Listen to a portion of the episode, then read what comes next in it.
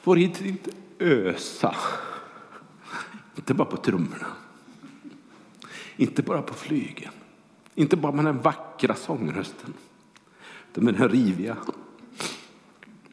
Och min och din. För det här är på riktigt. Jesus är på riktigt. Förlåt, det här är inte planerat. Det här står inte på pappret. Men någon gång kan det vara skönt att få låta känslan finnas där. Bli liksom överväldigad av Gud och Guds närvaro. Och våga släppa en tår. bara gör det? Va? Nej, mig gör det inte så mycket. Jag har släppt på den prestigen. Liksom. Men jag menar verkligen vad jag säger. Jag skulle önska, jag tror att det här ligger något oerhört vackert i Guds planering med oss som frälsta kristna, vad du nu vill kalla det här uttrycket när man, när man lever i passion för Gud. När man lever i passion för Jesus Kristus och så får göra det med sång och musik. Även om du inte kan spela ens på gitarr mer än jag kan tror två ackord. Någonting med på en G och någonting med A. Jag vet inte ens vad de heter. Och jag kan nog inte spela mer än ett varje minut. Det är ungefär så lång tid det tar att flytta på. Alltså det spelar ingen roll. Jag vill lovsjunga honom. För det här, det är ingen låtsasgrej. Det här är ingenting som jag totat ihop och hoppas håller. Det här är på riktigt.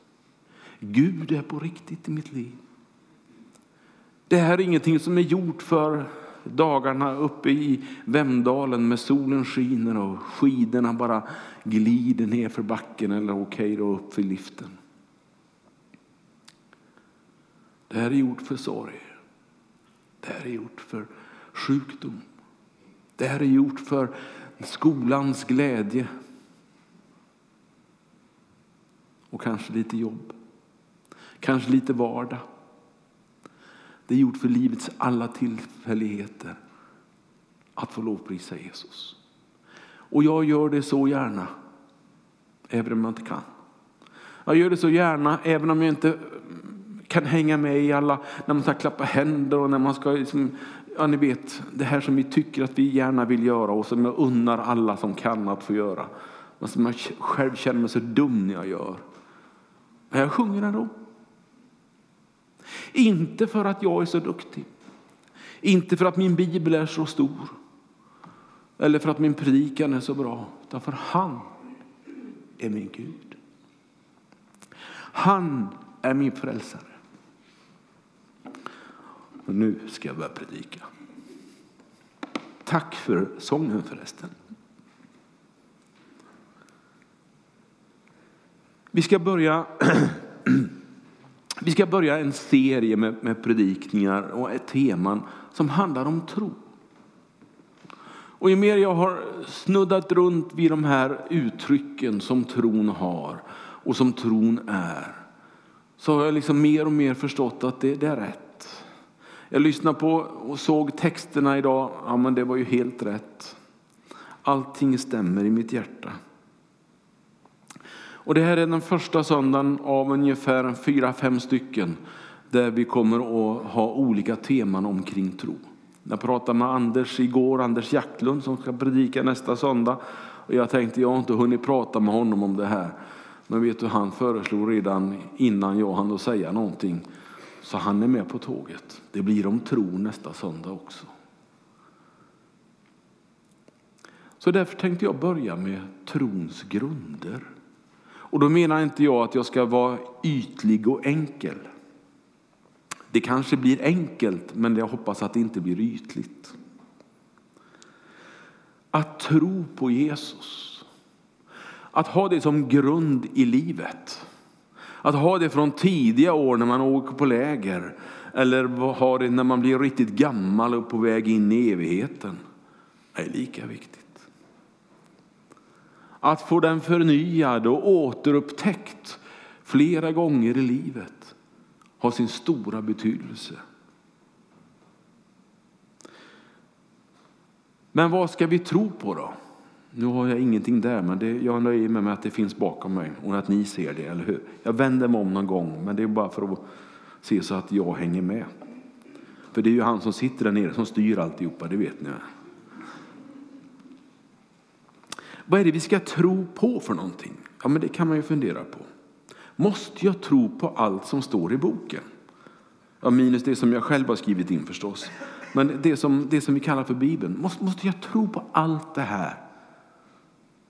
För att bli införlivad i Guds tanke, i Guds rike. För att få kalla mig en kristen, för att vara frälst. Jag har fått den frågan några gånger och jag svarar nej varenda gång. Det blir så här, du måste inte, men du får. Och det blir lättare att tro på det här när tron bor i hjärtat. Det blir enklare att våga ta till sig allt som står här, ända från de sju skapelsedagarna och hur det där gick till och försöka få ihop det med dagens tanke om hur jorden har kommit till och alla arter har uppstått och alltihopa det här. Ni känner ju till det här, eller hur? Men jag bryr mig inte, vet du vad. Jag tror att Gud har skapat det och hur han gjorde det får han fixa själv och han får stå för det och han gör det. Och det jag har i min bok här det är liksom en försök att beskriva vad som hände då i en tid som ingen kan bevittna och som kan berätta om. Det är klart att det inte blir exakt så som det hände då. Men det är ändå en tanke på Gud var med redan från början. Vad ska vi tro på då? Om jag inte måste tro på hela Bibeln, men jag får ju gärna. Vad kan jag läsa om? Ja, men börja läsa i evangelierna. Börja läsa om tron på Jesus Kristus.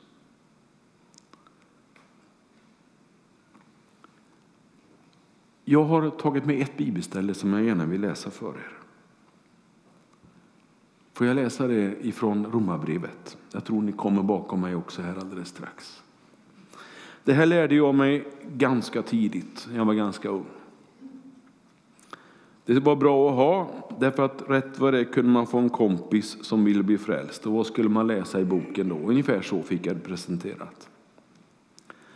Så därför så känns det lite spännande att få läsa det för dig också. Idag, så många år senare. För om du med din mun bekänner att Jesus är Herre och i ditt hjärta tror att Gud uppväckt honom från de döda, då blir du frälst. För med hjärtats tro, med hjärtat så tror man och blir rättfärdig och med munnen bekänner man och så blir man frälst. Det stod ingenting om Moseböckerna eller om alla under och mirakler som Jesus har gjort. Han gick på vattnet och allt vad nu Bibeln påstår och som jag faktiskt tror på. Men det står inte att jag måste göra det för att vara frälst.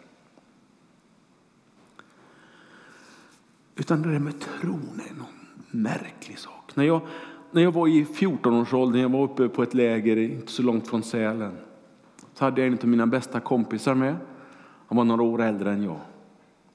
Han eh, och jag, vi pratade mycket omkring Jesus och kyrka och varför jag var med och varför han inte var med. Liksom sådär. Ja, jag hade en del intressanta samtal. Han sa så här, Bengt, jag kan inte tro, sa han. Och jag tänkte, det har jag aldrig hört i hela mitt liv, någon som säger jag kan inte tro. Jag var 14 år, vet du, det, omgiven av, av många som var i kyrkan. Och jag sa, hur kan du inte tro? Jag tror att han hade en något annorlunda tanke på vad tro var och vad tro är. Kanske att han hade den där tanken om att han skulle prestera någonting. Låt mig få återkomma till det. Vad säger boken? Vad säger Johannes i sitt första brev? Jo, han säger så här i kapitel 5 och vers 1. Var och en som tror att Jesus är Kristus är född av Gud. Och den som älskar Fadern älskar också den som är född av honom. Var och en som tror att Jesus är Kristus. Var och en som tror att Jesus är trons allt får också tillgång till allt som tron ger.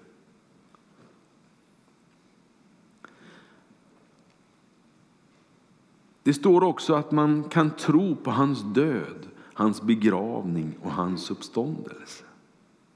Det är liksom grunderna för hela, hela tron. Det är inte att han har levt och gjort på ett visst sätt. Botat den sjuke eller gjort det miraklet eller vad det nu kan ta. Utan det handlar om att han dog. Vilken märklig tro jag har. Ingen annan vad jag vet har en tro som bygger på att Gud dör. Visst låter det konstigt? Men det fantastiska är ju att det räcker ju inte. Utan han dör så totalt som man begraver honom. Gud blir begraven.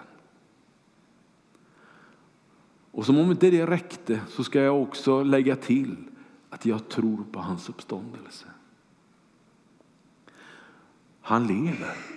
Och det är inte bara på påskdagen som det är sant, utan det är sant varje dag på årets alla dagar. Jag får ta till mig och tro att den Gud som gav sitt liv, den Gud är också stark nog att ta tillbaka sitt liv. Hur Fadern reste honom upp där i graven. Hur det gick till det kan vi bara fantisera och spela film om, men ingen var där. Ingen såg hur det hände. Så alla har samma tro. Alla får samma möjlighet. För alla är det lika svårt. Men att tro på hans död, begravning och uppståndelse, det är vad du ska göra. Sen får du gärna tro på livet tillsammans med honom. Det, när man väl börjar att liksom omfatta tron så blir det bara mer och mer och mer och mer som blir möjligt. Men försöker man omfatta allt från början, om, om man säger att ja, du, tänk om det var så att jag var tvungen att tro på allt som stod i den här. Om det var starten, då är det nog många fler som hade tvekat. Nu är det ju så enkelt så det behövs inte. Det är så enkelt så att du ska tro på Jesus. Och där är vi alla. Där är även den som är icke läskunnig möjlig att tro. Men för den som inte kan läsa Bibeln så hade det varit omöjligt att tro på alltihopa. Så ibland så känns det som att Gud är vis som har gett oss ett liv, en person att tro på och inte bara en lära, inte bara en text.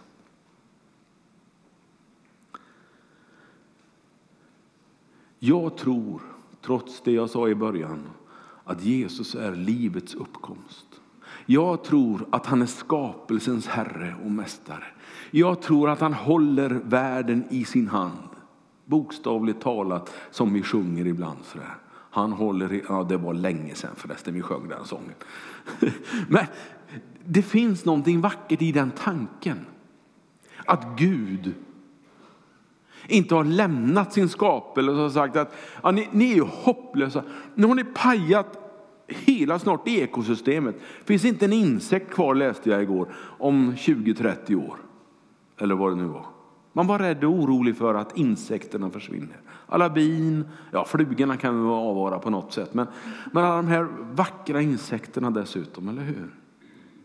Min dotter skulle nog gärna avvara myggen också förresten. Men jag, jag, tror att det finns en plats för alltihopa där. Gud har en tanke med det. Och jag tror på honom som skapelsens Herre. Skapelsens uppehållare och fullkomnare. Men det måste man inte göra i början. Men det utvecklas lätt åt det hållet. När man ser vad han kan, när man ser hans kärlek, när man möter hans omsorg. Då förstår man, räcker han till för mig och dig som är här i kyrkan idag och räcker till för dig som sitter hemma och tittar på, på webbsändningen. eller bor i Sydkorea eller i Sydamerika. Men vad är då tron på Jesus för någonting? Ja, vad är tron på Jesus? Kan det ha lite grann med att lita på? Ja, de som förstår sig på det där med språk, det är inte min specialitet. Men man får väl läsa lite och så får man försöka förstå i alla fall. De säger att tro, det är att lita på. Det är, inte, det är ingen vetenskap på det sättet. Utan det är att lita på. Att ha förtröstan till någon, till något. Och att få ha sin förtröstan och tro på Jesus. Att lita på honom det känns så skönt när jag har lärt känna honom genom bibelboken och vad han står för. Tron på Jesus, det är liksom ditt och mitt ja till honom. Ditt och mitt ja till den han är, till den han säger sig vara, till den jag läser om. Det är liksom svaret på kärleken jag får ifrån honom. Det är min tro på honom. Och vad jag vet så presterar man ju inte att älska någon. Utan man bara, det bara kommer, eller hur? Man bara drabbas av kärlek liksom. På något sätt. Och på samma sätt är det med, nej, med Jesus. När den där lilla, lilla tron, den där senapskorns stora tron börjar att slå rot i mitt hjärta så växer det. Och det blir större, det blir rikare, det blir mera.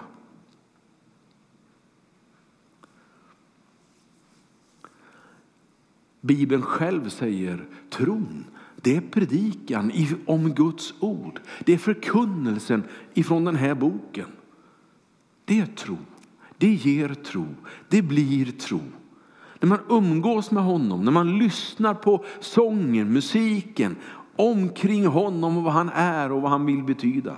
När man lyssnar på Guds ord, när man läser Guds ord så är det som om tron bara liksom bara liksom, av ren pur glädje bara börjar växa.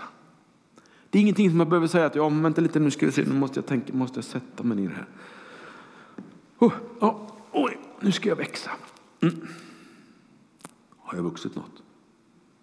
Har jag vuxit något? Nej. Vilket var skönt att det inte är något som jag ska prestera. Tänk om man var tvungen att gå på gymmet. Usch, hemska tanke. Tänk om man var tvungen att ha ett gym i källaren här i kyrkan. Trons gym.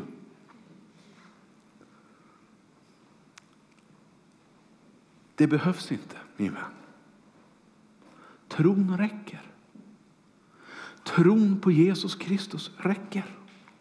Och den leder dig lite framåt varje gång som du tror på honom. Varje gång du sjunger en sång om honom. Varje gång du läser ett litet, litet bibelord eller ett långt kapitel så växer tron.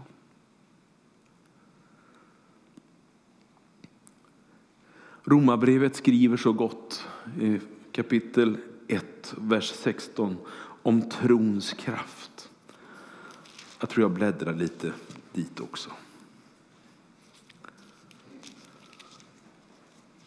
Romarbrevet 1 och 16. Jag skäms inte för evangeliet, skriver Paulus. Det är en Guds kraft till frälsning för var och en som går på gymmet varje vecka. Nej, för var och en som tror, juden men också för greken. Ja, för var och en som tror en Guds kraft. Det var inte din kraft, Reidun. Du är visserligen stark kvinna, du är en duktig kvinna, en härlig arbetskamrat och det går säkert att säga mycket gott. Nej, det var inte det. var skönt. Det var Guds kraft det beror på. Det var Guds kraft som leder dig framåt och som föder din tro att bli rikare och rikare. Den är så kraftig så den räcker till din frälsning. Det vill alltså säga till din räddning, till din, till din framtid tillsammans med honom. Så kraftfull är hans kraft. Så stark är Guds makt att han kan hjälpa dig ut ur syndens makt. Jag har läst boken om, om eh, Sebastian Staxet. Och jag blir så uppbyggd i mitt hjärta av att han orkar att berätta allt han har varit med om. Men också vad Gud har gjort i hans liv. Vilken berättelse. Jag har ett antal böcker på expedition. Är det någon som vill köpa en så har jag en för 150 riksdaler. Du kan swisha in pengarna. Slut på parentes.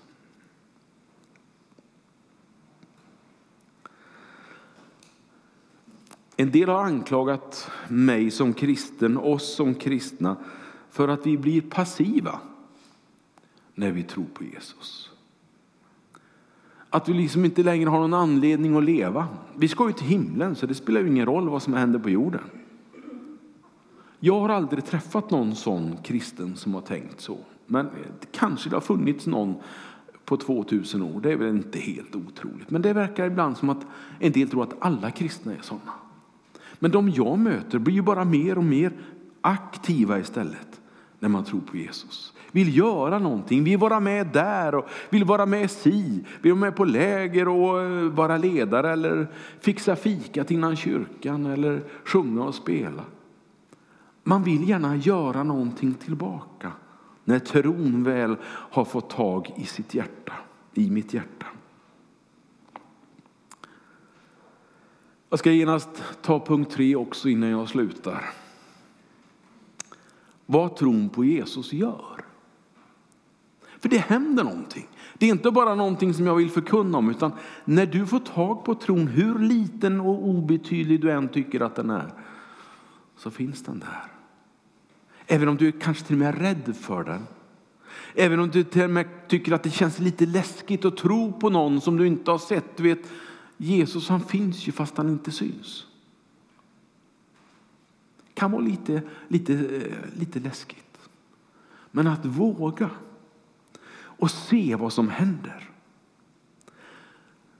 När jag läste min, min bibel här i veckan så såg jag att det stod så gott att det mynnar ut i en livslång gemenskap med honom. Tron liksom bereder väg för en livslång gemenskap. Till hösten då firar jag och min kära hustru 40 år som äkta makar. 42 år sedan vi träffades och blev ett par. Det är ju ingenting mot en livslång gemenskap med Jesus Kristus.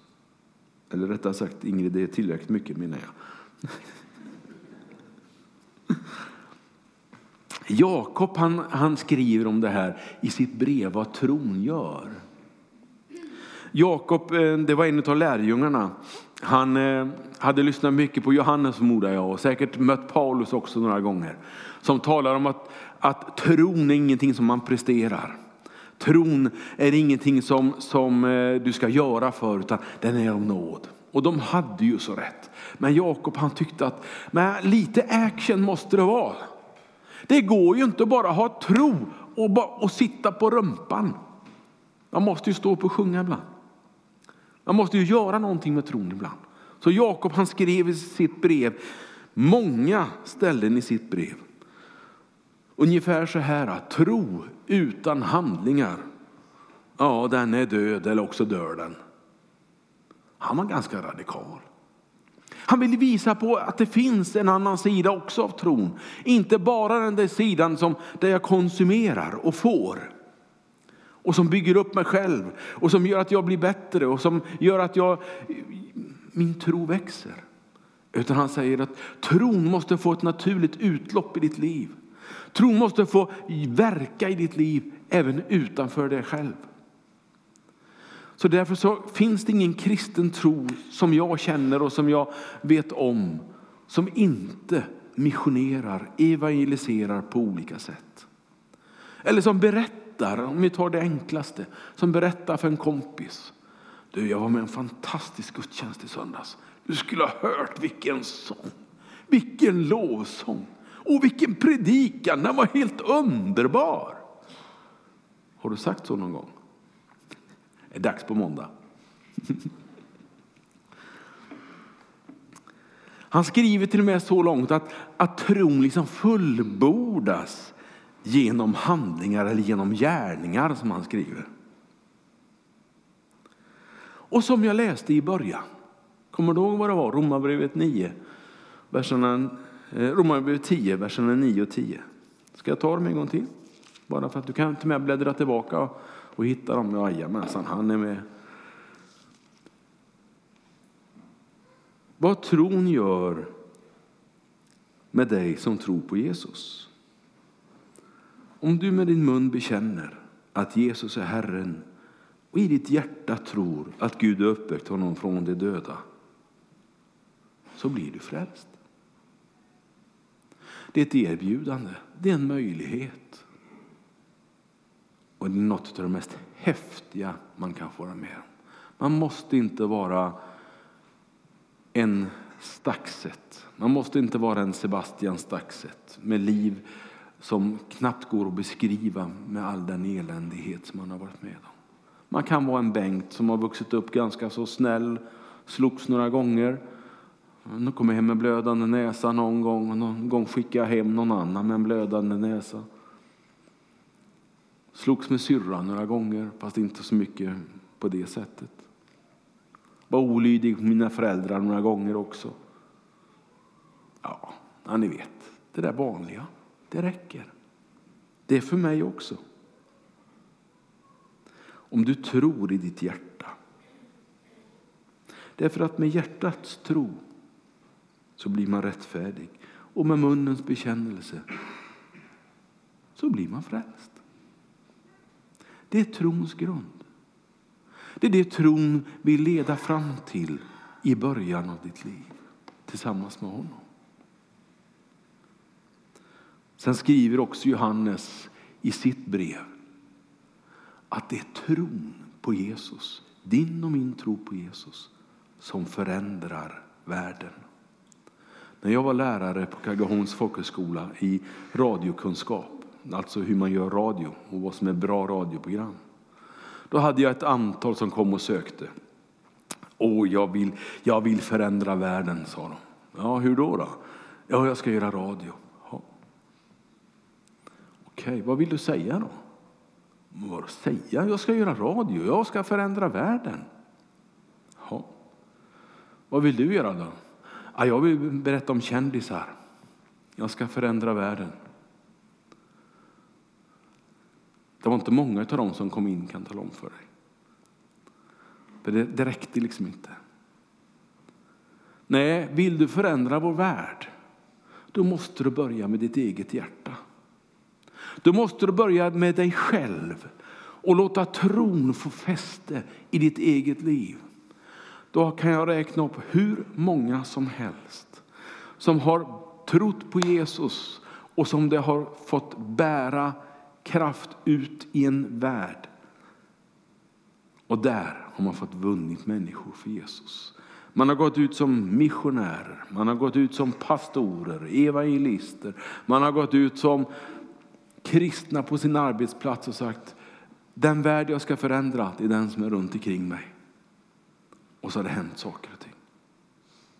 Jag tror att vi som kyrka, församling, måste tillbaka dit om vi nu har glidit därifrån. Där vi vinner de som är närmast runt omkring oss. Där vi samtalar med dem, inte utifrån teologiska spörsmål, inte utifrån att övertyga om att min tro är bättre än din eller på något sätt. Utan det vi ska övertyga med, det är, jag tror på Jesus. Vill du försöka? Jag tror på en levande mästare. Vill du vara med? Jag tror på skapelsens Herre. Vill du sätta din tilltro till honom som har makt, som har kunskap och som vill ditt väl? Välkommen i gänget. Vi är några stycken här som träffas varje söndag och har den tron och har den tanken. Och nu vill vi förändra världen. Kanske inte genom radio, men genom tron. Genom tron på Jesus Kristus. Amen.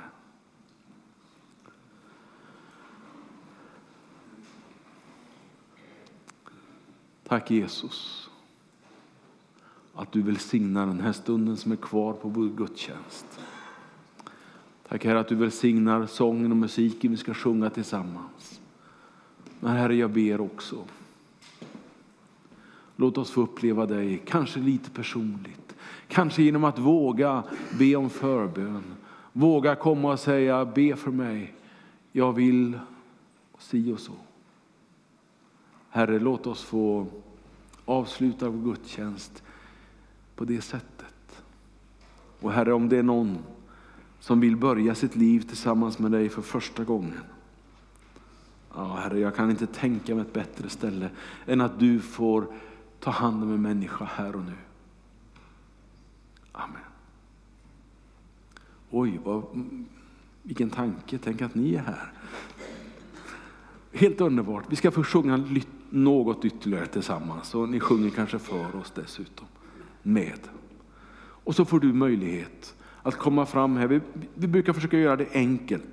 Vi står upp när vi sjunger och så är det lätt för dig att komma fram. Här kommer två stycken att sitta här på första bänk och de vill inget hellre än att be tillsammans med dig. Än att vara tillsammans med dig på det sättet.